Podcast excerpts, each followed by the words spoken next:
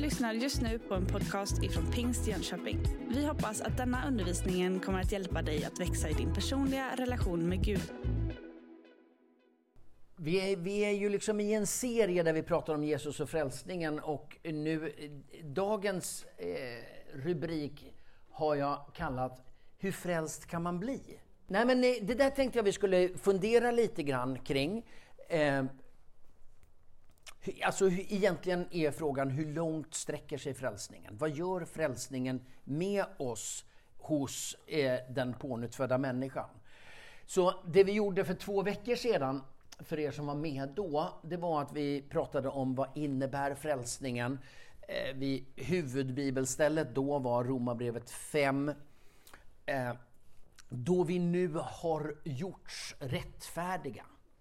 Alltså och hela det stycket där. Vi pratade om frälsningen, vi pratade om lite olika begrepp. Så, rättfärdiggjord och heliggjord och pånyttfödd. Och så tittade vi på några av de här olika modellerna som, eh, som finns, liksom, som man kan vaska fram ur Bibeln. Sen pratade vi förra veckan om hur man blir frälst. Eh, och där pratade vi bland annat om liksom vem, vem, är det som är, vem är det aktiva elementet här? Och jag tycker att det, det är, alltså, jag tycker att jag har läst ganska mycket om det här, jag har försökt brottas med bibeltexten. Jag tycker fortfarande det där är rätt knepigt. Liksom. Det är ju alldeles uppenbart att ingen kan frälsa sig själv. Det är ju av nåd är ni frälsta, Guds gåva är det. Ingen kan berömma sig, Efesierbrevet 2. Men det är ändå som att man ska liksom ta emot på något sätt. Och vilken roll spelar tron i det där och, och så vidare. Det, det är lättare om man är lutheran, va? då är ju allt bara en gåva och så bara står man och... Eh, I vår tradition är det lite krångligare. Idag tänkte jag att vi skulle alltså prata om hur, hur frälst kan man bli? Hur långt sträcker sig frälsningen och vilken roll spelar synden i den pånyttfödda människan? Eh, det är det vi ska göra. Och vi kommer läsa, det kommer gå till på det här viset att vi kommer läsa en rad bibelställen i början och så liksom lägga en grund och sen kommer vi att med de bibelorden som utgångspunkt resonera eh, kring, eh, kring några frågeställningar. Och då, alltså nu fattar jag att det här blir dålig inspelning om det sker det jag nu kommer säga eftersom det är framförallt min röst som hörs i inspelningen. Eh, men alltså jag, för mig skulle det vara helt OK, väldigt trevligt och bra, om det liksom, eh, nej, kommentarer och så. Jag, jag var i Borgholm i helgen och hade en bibelhelg i församlingen där. Och då liksom mitt i så här, det, och det där är lite ovanligt. Jag tycker det är väldigt trevligt. Så om det Ta gärna ordet även om jag inte liksom specifikt ger det. För bibelläsning, det, det här gör vi tillsammans. Så att, eh, ha gärna det med er. Vi läser ifrån första Johannes brev, det tredje kapitlet. Vilken kärlek har inte Fadern skänkt oss när vi får heta Guds barn? Det är vi. Och världen känner oss inte därför att den aldrig lärt känna honom. Mina kära, när vi nu är Guds barn, nu är vi Guds barn, men det har ännu inte blivit uppenbart vad vi kommer att bli. Vi vet dock att när han uppenbarar sig kommer vi att bli lika honom, ty då får vi se honom sådan han är.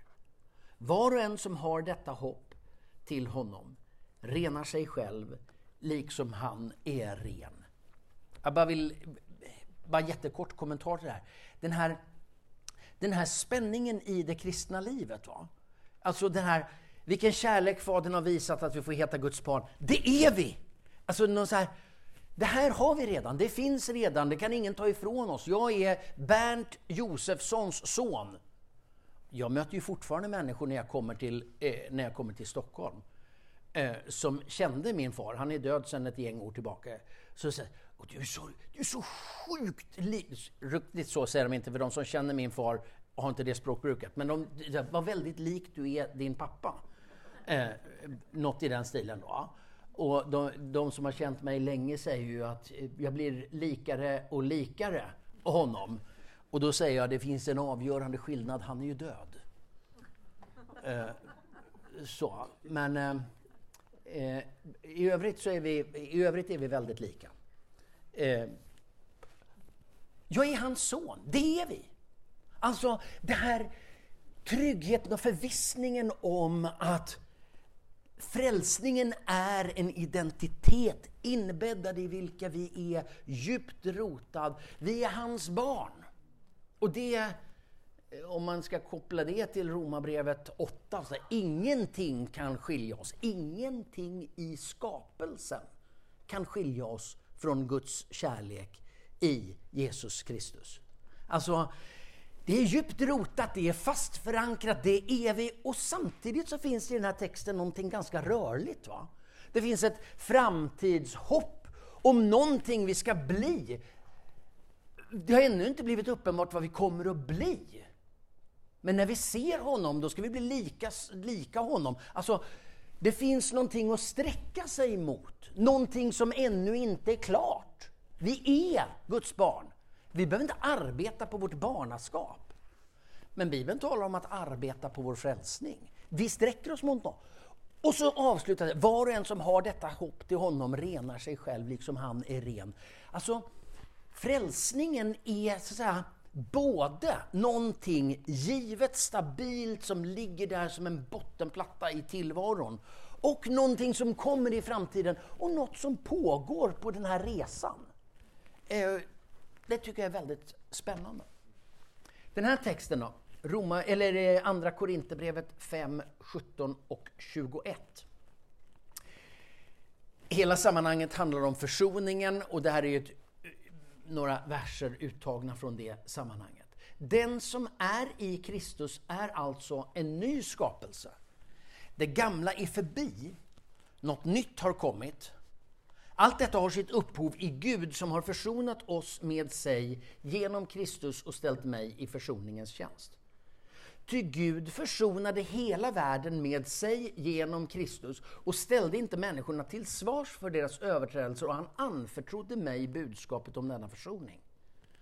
Jag är alltså Kristi sändebud och Gud manar er genom mig. Jag ber er på Kristi vägnar, låt försona er med Gud. Han som inte visste vad synd var gjorde Gud till ett med synden för vår skull, för att vi genom honom skulle bli ett med Guds rättfärdighet. Här känner vi återigen den här spänningen mellan grejer. Gud har försonat världen med sig. Alltså det finns någonting som Gud har gjort som inte kan göras ogjort och som vi aldrig skulle kunna göra. Och det här lägger grunden för att vi kan vara en ny skapelse i Kristus, det gamla är förbi. Och sen säger Paulus, låt försona er med Gud. Hmm. Var det inte Gud som hade försonat världen med sig? I nästan alla de här texterna om frälsningen, om försoningen, så finns den här spänningen i någonting som är givet, någonting som förändrar hela vår konstitution, någonting som, som gör oss till helt nya skapelser. Och samtidigt så utmanas vi att tillägna oss detta, att leva i detta, att låta det här nya livet påverkas av oss. Och så kommer den här underbara sista versen, det man i vissa traditioner skulle kalla för det saliga bytet. Han som inte visste vad synd var gjorde Gud till ett med synden för vår skull, för att vi genom honom skulle bli ett med Guds rättfärdighet. Här har vi ett gäng skapelsevarelser som är fulla av synd. Här har vi Guds rättfärdighet. Och Guds rättfärdighet blir ett med synden för att, alltså det här bytet, va? Där det Gud har blir vår del genom att han bli del av det vi är. Eh, och, och den där rörelsen mellan vem Gud är, vilka vi är och vad Gud blir för att vi ska bli någonting annat. I hela frälsningsteologin så finns finns en pågående sån, sån rörelse. Men i den här texten så är det framförallt då det är framförallt tre saker jag vill bara kommentera. Den ena är, den som är i Kristus är alltså en ny skapelse. Det där kommer vi att komma tillbaka till. Vad betyder det? Alltså, hur ny är en ny skapelse? Eh, ni som har erfarenhet av eh, att, att liksom lämnat er åt Gud. Eh, jag tror att de flesta av er hade samma hårfärg före och efter, samma eh, könsidentitet som är så populärt att, att, diskutera i dessa dagar. Ja, men många grejer som, som i rätt hög grad är densamma före och efter. I vilken mening är vi en ny skapelse? Det kommer vi tillbaka till. Och sen den andra saken jag vill kommentera i den här texten, det är just det här. Gud försonade hela världen med sig genom Kristus. Låt därför er försonas med Gud. Man kan verkligen fundera över vem som är den aktiva parten. Och vilken roll, vilken del vi har i det här. Men det pratade vi om förra gången, så ska vi inte fördjupa oss så mycket i. Och sen den tredje som jag då alltså älskar så mycket, det är ju det här. Ah, han blev han var någonting men blev något annat för att vi som är någonting ska kunna bli något annat. Och med eh, Petrus ord i första Petrusbrevet, han har gjort oss delaktiga i gudomlig natur. Den, den formuleringen, smaka på den. Alltså, han som var Gud blev människa, gjord till synd, står det här. För att vi genom hans liv och gärning ska bli del av Guds rättfärdighet, står det i den här texten. I Petrusbrevet står det Guds natur och det finns lite olika. Alltså, den här identitetsrörelsen i eh, frälsningen. Ja, den är viktig. Eh, men då går vi, kastar vi oss direkt över, man får inte vara glad allt för länge eh, här på jorden. Så nu läser vi Romarbrevet 7. Så är det också med er, mina bröder. Ni har dött bort från lagen med Kristi eh, kropp och tillhör nu en annan, honom som blev uppväckt från de döda, så att vi kan bära frukt åt Gud. Så länge vi levde på människors villkor var de synder och lidelser som väcks av lagen verksamma i våra lemmar, så att vi bar frukt åt döden. Men nu har vi blivit fria från lagen, sedan vi dött bort från eh, det som höll oss bundna och kan tjäna på ett nytt sätt med vår ande och inte på det gamla efter bokstaven. Vi vet att lagen tillhör det andliga, men jag själv är av kötslig natur såld till slav under synden.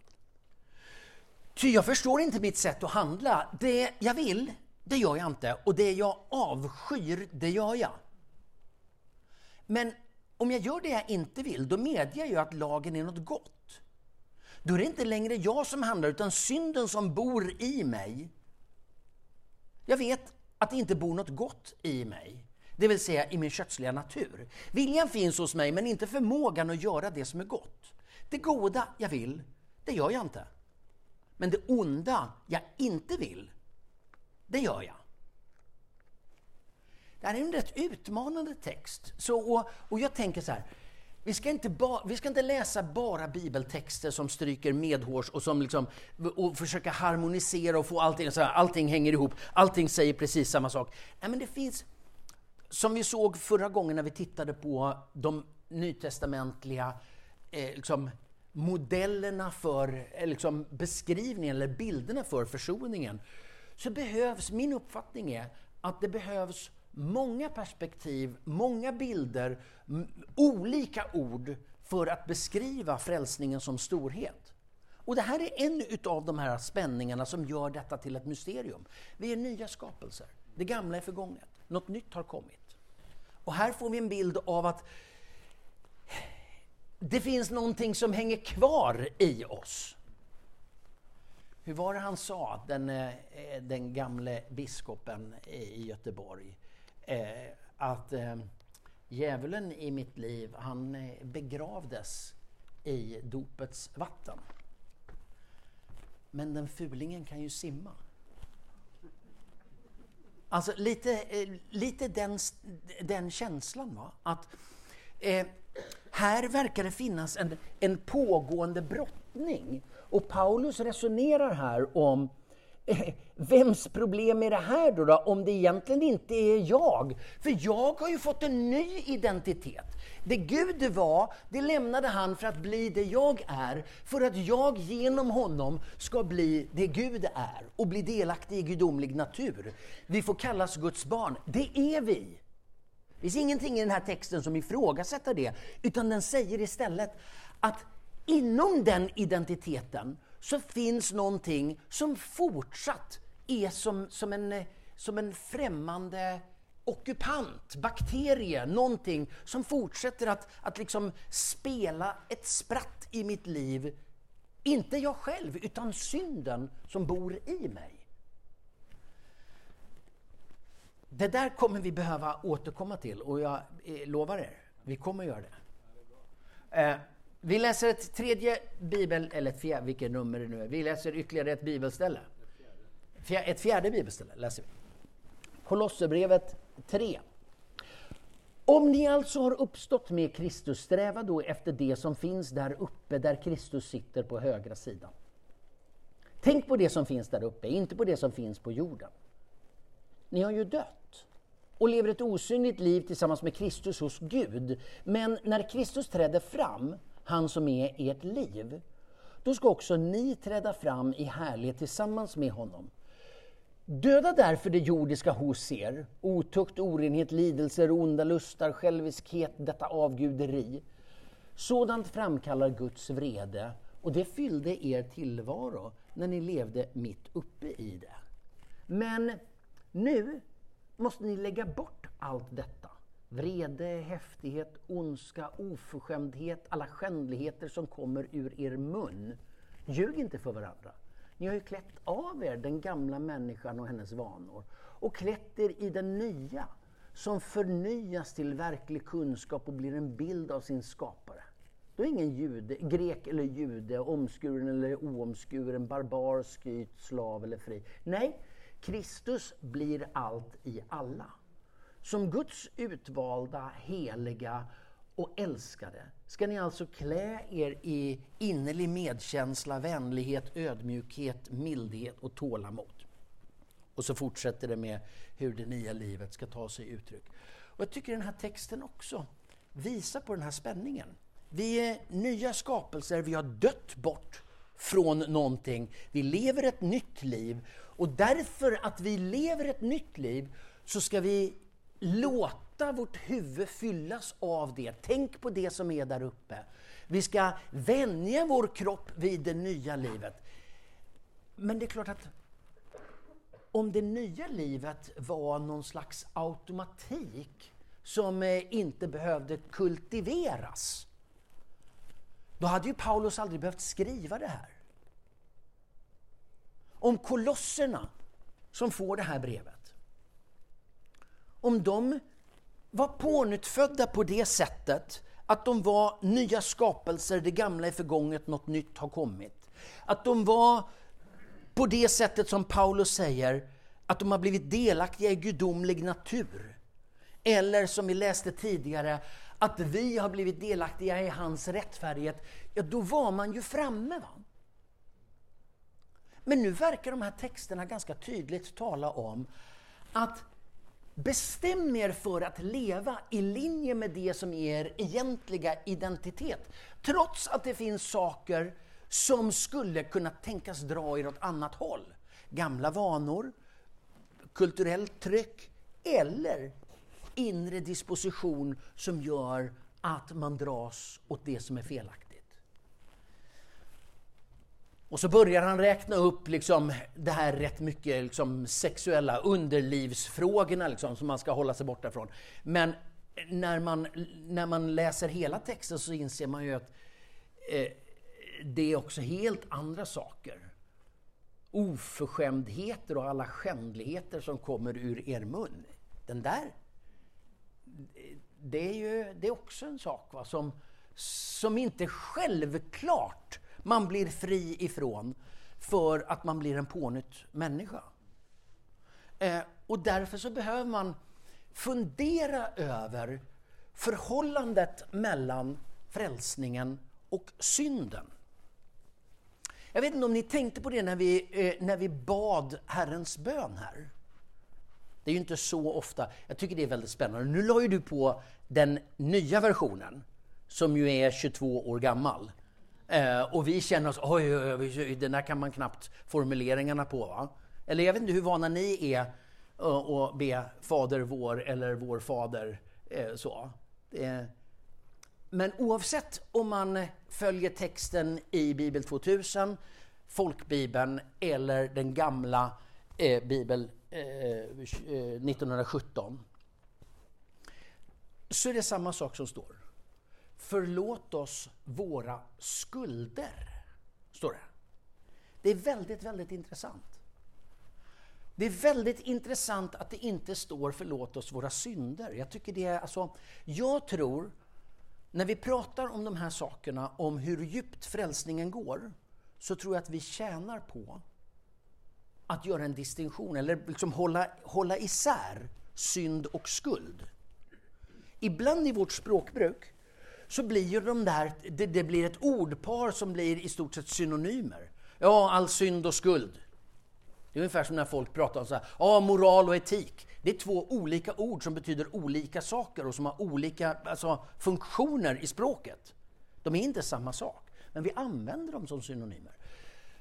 Och jag tänker att det där är lite viktigt att skilja på.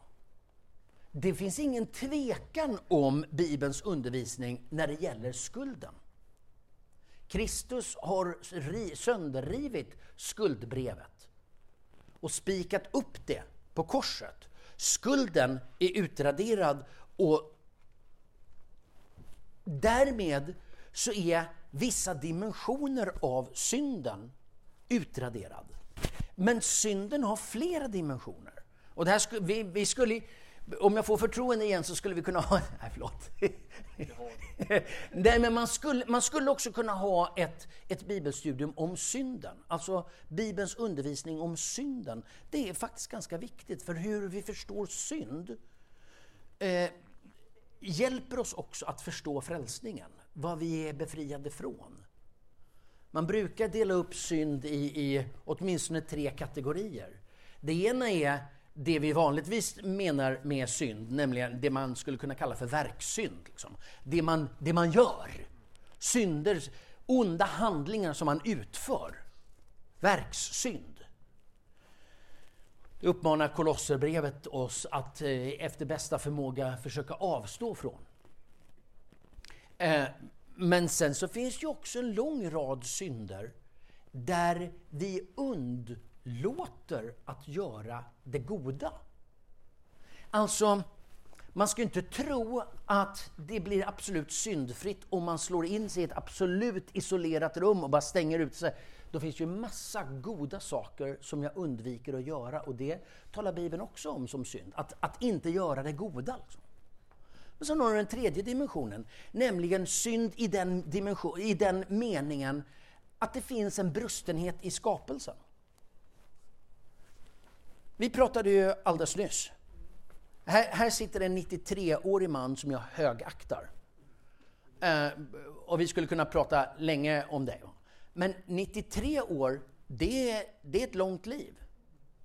Eh, och nu går ju vetenskapen framåt och du är ju en oförskämt pigg 93-åring. Men du, liksom vi alla, kommer att dö. Gud skapade ju inte oss med döden som en, som en självklar liksom, del av livet. Det blev en konsekvens av synden. Död, var är din seger? Död, var är din udd? Dödens udd är synden, säger Paulus i Första Korinthierbrevet 15. Alltså, det där har förts in. Och vi behöver inte, alltså vi kan, det finns en mängd sådana där saker som är förknippade med synd i vår tillvaro, som vi är underkastade. Vi drabbas av sjukdom. Eh, vi har en disposition att inte alltid vilja det goda, om man ska följa Romarbrevet 7. Det där är också synd. Och då tänker jag så här. När, när Paulus i eh, Andra Korinthierbrevet 5 säger vi är nya skapelser, så innebär det fortfarande att syndens konsekvens i vår tillvaro innebär att vi alla dör. Om vi inte råkar vara den generation som lever just när Jesus kommer tillbaka. Och det har ju många generationer trott. Trodde ju Paul, det är ju för övrigt väldigt intressant. Paulus trodde ju absolut att han skulle leva när Jesus kom tillbaka. I eh, andra Thessalonikerbrevet så, så tröstar nu varandra med de här orden om Jesu återkomst. Och de döda ska uppstå och vi som är kvar i livet. Är ni med? Ja, men det är helt naturligt att alla generationer genom alla tider tänker Jesus kommer nog tillbaka i vår generation. Hittills har det ju visat sig att det inte stämde. Eh, det betyder inte att det inte är sant. Det betyder inte att hoppet ska stanna. Men dödens, dö döden som en konsekvens av synden har generation efter generation, eh, släkt efter släkt upplevt. Med smärta. Och många andra dimensioner också. Alltså, vilken roll spelar synden hos den frälsta människan? Den behöver vi, den behöver vi fundera över. I vilken mening är vi frälsta syndare? Alltså, vi är frälsta bort från synden. Frälsningen har raderat skulden i våra liv. Vi kan lyfta våra händer och ropa Abba fader med Romarbrevet 8 och veta att vi har fullt tillträde till, till barnaskapet. Vilken kärlek har Gud visat oss att vi får heta Guds barn? Det är vi! Det finns ingen tvekan på den punkten. Och samtidigt så lägger de här olika bibeltexterna en brottning i att synden finns kvar. Och det där ska vi fundera över. Finns den inom oss eller finns den utom oss? Eh, jag skulle vilja ta er med till en, eh, en av mina absoluta favoritberättelser ifrån Gamla Testamentet. Berättelsen om den lille Mefivoset. Vet ni vem det var? Det var ju Sauls barnbarn. Och Saul var ju en kung som eh, blev avsatt av Gud och blev ersatt av David. Och då följer ju logiken att om man byter kungaätt, då måste man ju göra rent hus så att inte den gamla blodslinjen kan komma och hävda kronan. Eller hur? En ny kung med en ny blodslinje måste ju göra rent hus, skära halsen av alla de gamla. Det förväntade sig ju barnflickan som hade hand om Mefiboset, som var barnbarn till Saul.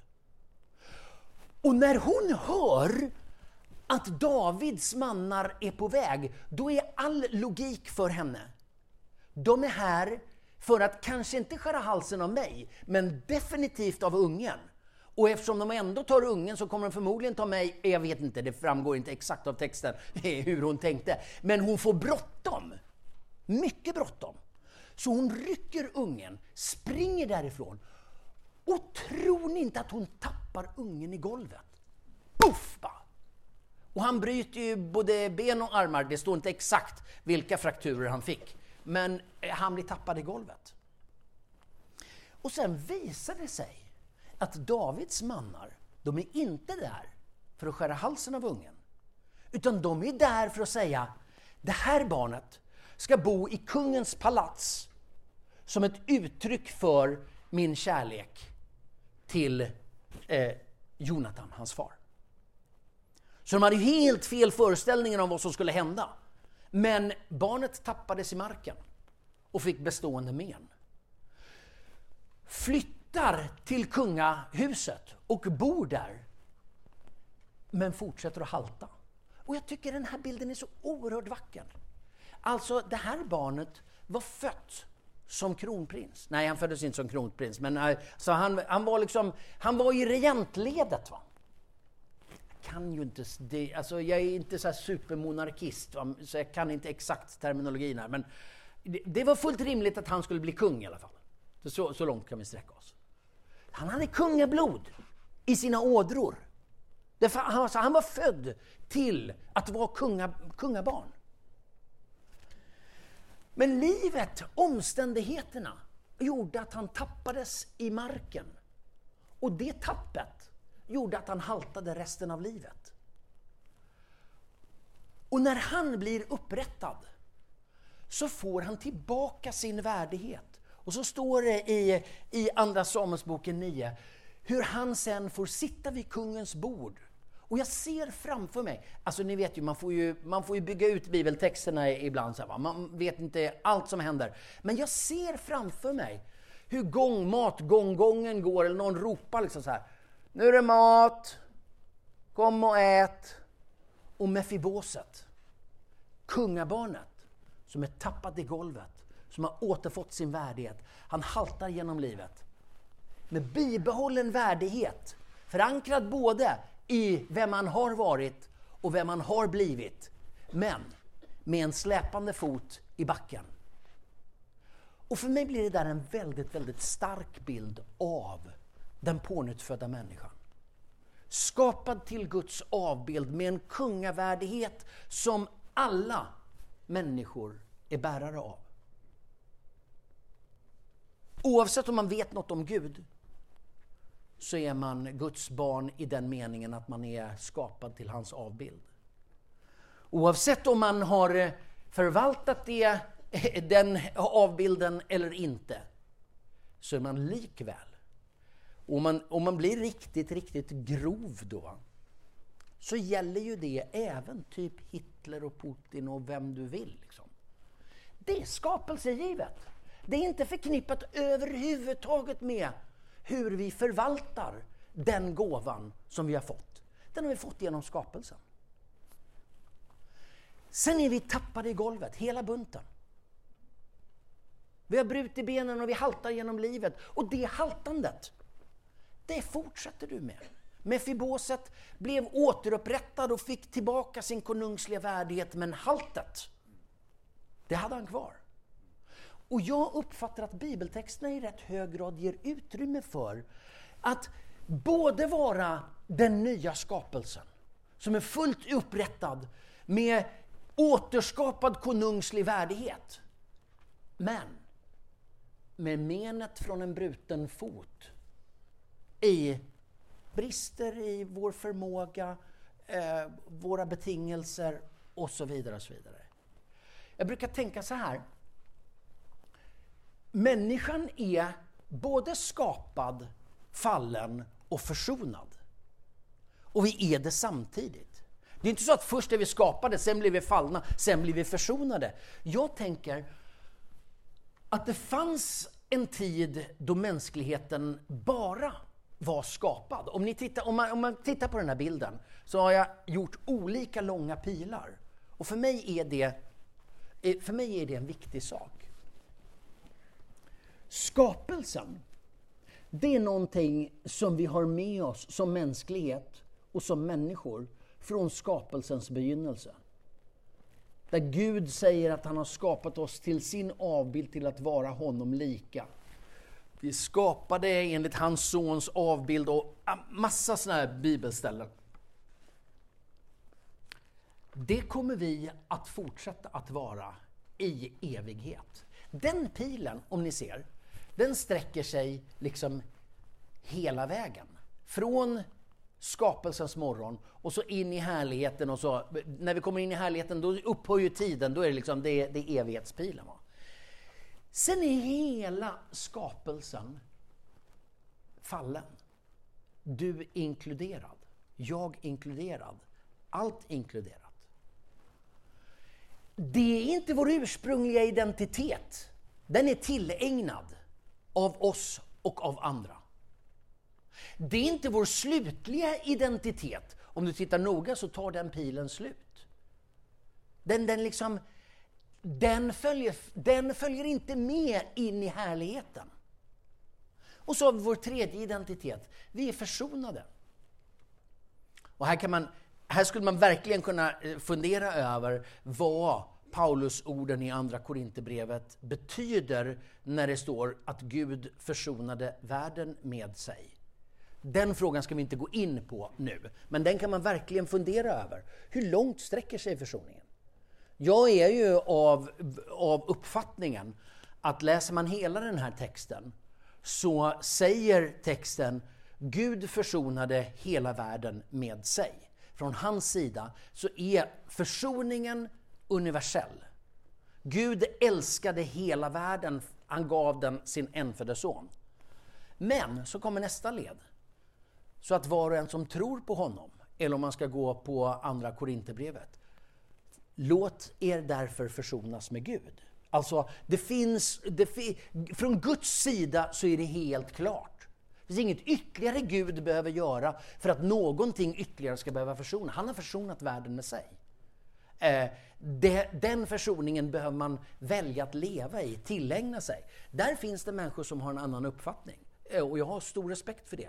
Och det finns, det finns goda skäl för att ha den uppfattningen. Jag har inte den uppfattningen. Men någon kanske här har det. Och det finns bibelstöd för en sån uppfattning. Jag bara säger det. Men jag har inte den uppfattningen. Jag tänker att, att försoningen är universell i den meningen att den är given åt alla.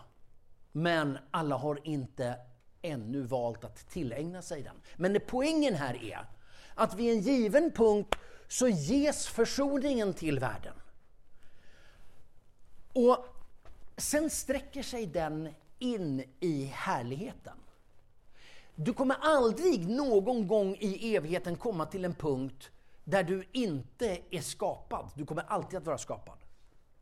Och på, på liksom någon slags grundläggande, så här, på finspråk skulle man säga ontologisk nivå, alltså på någon slags varandenivå, så finns det en gräns i tillvaron. En avgörande gräns. Och det är gränsen mellan skaparen och det skapade.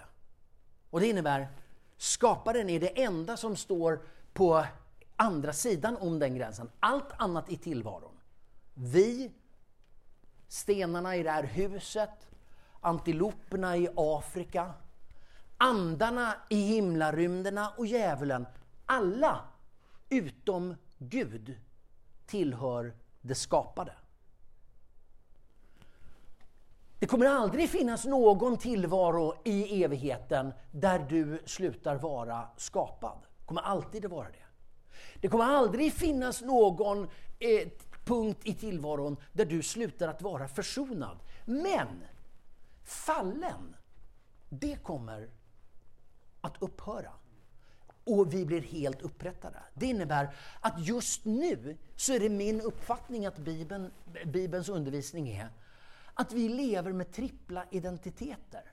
Och det, det förändrar inte att vi är Guds barn fullt ut, 100 procent. Men i den betingelsen vi lever i världen så är vi också fallna. Vi är skuldfria, vi är Guds barn. Vi är helt förlåtna. Men vi lever ändå i den här världen. Och i den här världen så är allt skapat fallet. Inklusive du. Jag. Guds barn. Därför så tror jag inte att vi tjänar på att bara titta utanför kyrkan efter fallets konsekvenser. Jag kommer tillbaka till det. Så konsekvenserna av det här resonemanget, det blir ju att förstå vår eh, trippla identitet som fullt ut Guds barn, men med en fortsatt fallen natur som vi har fått bära till Kristus så att han som hade Guds gestalt, blev människa, tog vår synd för att vi skulle bli del av hans rättfärdighet. Det där, liksom det nya försoningens liv ger Paulus möjlighet att tala om en ny skapelse som en dag ska slå ut i full blom. Vi ökar tempot lite grann. Ett ganska vanligt uttryck i eh, Nya Testamentet är alla de heliga. Alltså, när man beskriver de troende på en plats så talar man om dem som alla de heliga.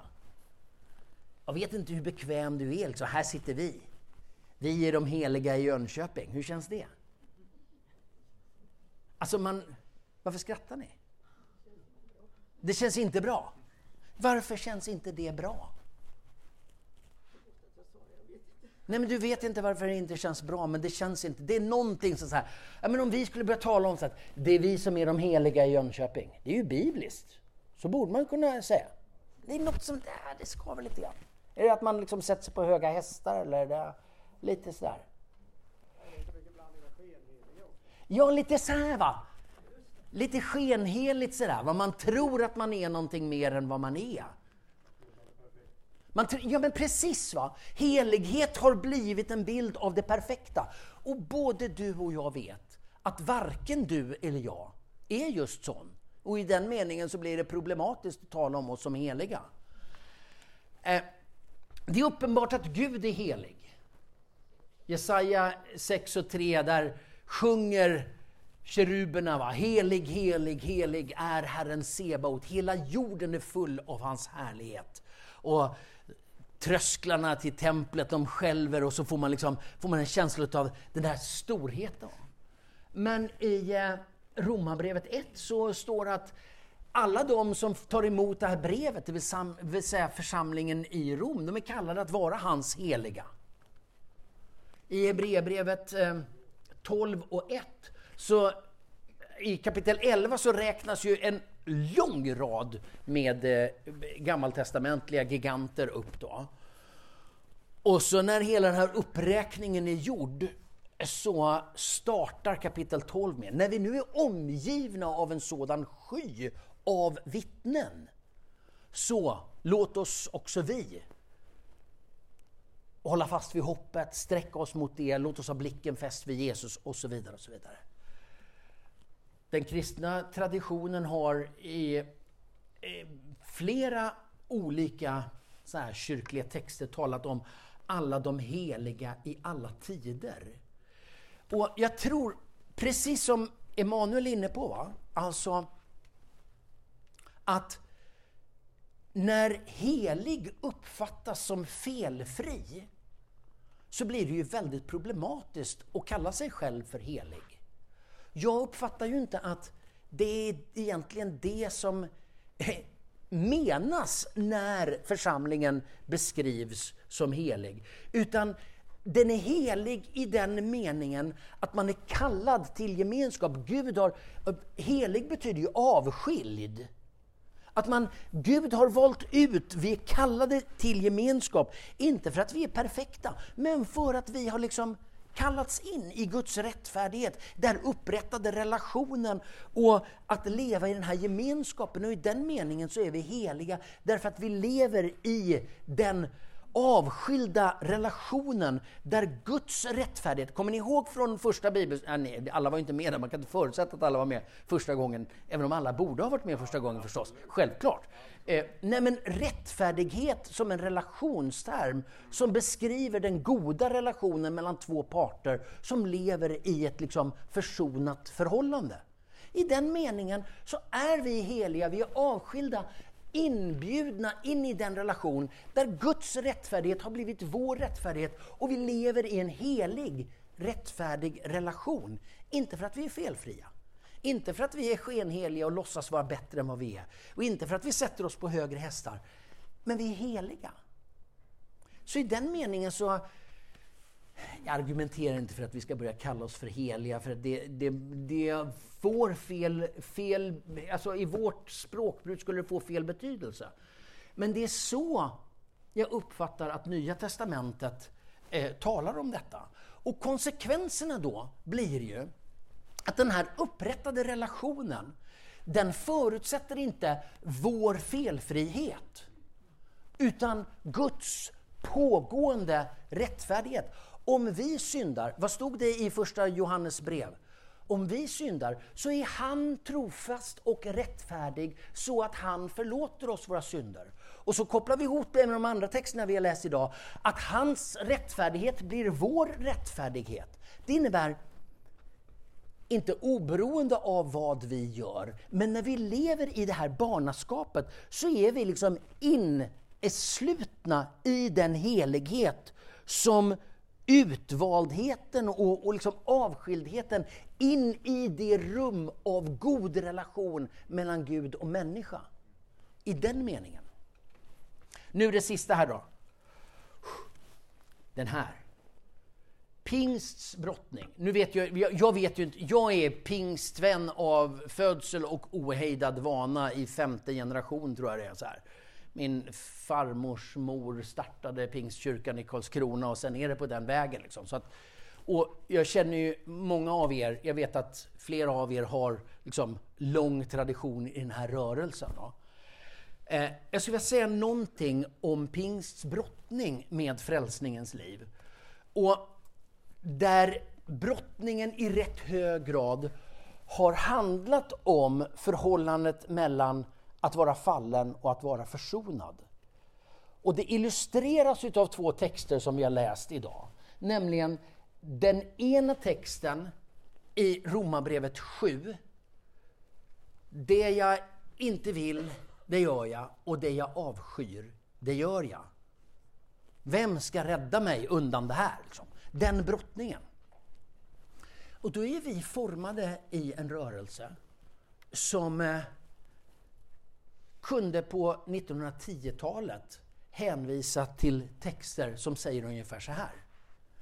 Den som känner igen sig i Romarbrevet 7 det första man kan veta om den personen, det är att hon inte är frälst. Hon är på väg, hon kanske längtar, men hon är ännu inte frälst om hon fortsätter att leva i den brottning som Romarbrevet 7 talar om. Det har vi med oss i vår traditions teologiska arv. Jag tycker det är ganska långtgående, skulle jag nog själv säga. Men det har varit med och, och påverkat hur vi har så att säga, formulerat teologin kring det här. Och så har vi avfärdat Romarbrevet 7 och så har vi läst Andra Korinthierbrevet 5 och 17 att den som är i Kristus är en ny skapelse, det gamla är förgånget, något nytt har kommit. Och så har den teologiska betoningen blivit mer på försonad nyskapelse än kamp med synden. Låt mig bara mycket kort eh, få, få, dra en, en teologihistorisk liksom, reflektion kring det här. Alltså, vi är formade i en luthersk kontext eh, som mycket, mycket starkt betonar att människan är på en gång rättfärdig och syndare. Det, var, det är en av den lutherska traditionens viktigaste punkter när det gäller synen på människan och framförallt på den, på den pånyttfödda människan. Man får frälsningen som en gåva eh, och den gåvan överskyler synd och skuld som ligger kvar under skynket av Guds rättfärdighet. Så man är fortsatt både rättfärdig och syndare. Och det där har lett till att man varje gudstjänst börjar gudstjänsten med att bekänna sin synd och så vidare. Det är ju totalt främmande för pingsttraditionen och stora delar av frikyrkotraditionen, eller var det i alla fall. Och så kommer frikyrkotraditionen och bryter med eh, den lutherska traditionen och säger i pånyttfödelsen så görs, gör Gud någonting nytt. Han föder oss till ett nytt liv och ger oss nya förutsättningar, gör oss till nya skapelser. Man står i den lutherska traditionen och kontexten och samhället och så uppfattar man att Gud gör någonting nytt och så ställer man sig här borta. Och det är väldigt, väldigt lätt att man i en sån här rörelse mellan olika teologiska positioner då avgränsar sig mer än vad som är rimligt. Och när man då står här, och nu, blir det lite, nu kommer min, min kropp få vara illustration här. Va? Här har vi den lutherska traditionen som, som jag har försökt att beskriva. Så kommer den frikyrkliga, framförallt baptistiska traditionen och säger nej men det finns någonting nytt här. Och sen så är det grenar utav den här baptistiska traditionen som säger Jaha, vi är syndfria. Och på 1800-talet var det ganska framträdande. Grupper som sa den pånyttfödda människan är helt fri från synd och därför kan ingenting som den pånyttfödda människan gör vara synd. Och så kommer man liksom bort här, ganska långt bort, bortanför traditionell baptism. Och de, den, de grupperna sa ju i, uttryckligen, är du pånyttfödd så kan ingenting du gör vara synd. För synden finns inte. Oavsett vad du gör, blev konsekvensen. Det blir ju väldigt märkligt. Det blir ett väldigt märkligt sätt eh, att se på det här. Det ledde till att de som stod här och var klassiska baptister, de visste ju inte, att vi håller inte med där, men vi håller verkligen inte med där. Så för att avgränsa sig från avarterna så flyttade man sig åt det här hållet. Så baptisterna vid den tid när pingströrelsen växer fram, de talar i stort sett som klassiska lutheraner. Och det innebär, när pingströrelsen börjar formeras som en gren, en karismatisk gren av baptistsamfundet, då säger de så här, vi, måste, vi tror inte som lutheranerna, vi tror som baptisterna. Men baptisterna, de i rädsla för att eh, komma i avarter, så har de flyttat sig för långt hitåt. Så att vi måste flytta oss hitåt. Förstår ni?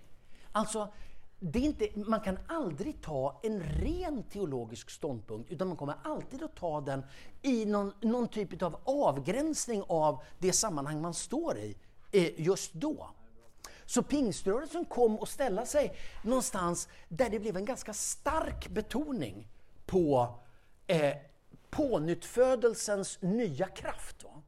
Och det förstärktes av att man från metodistiskt håll talade om anden, andeuppfyllelsen, som kraftgivare.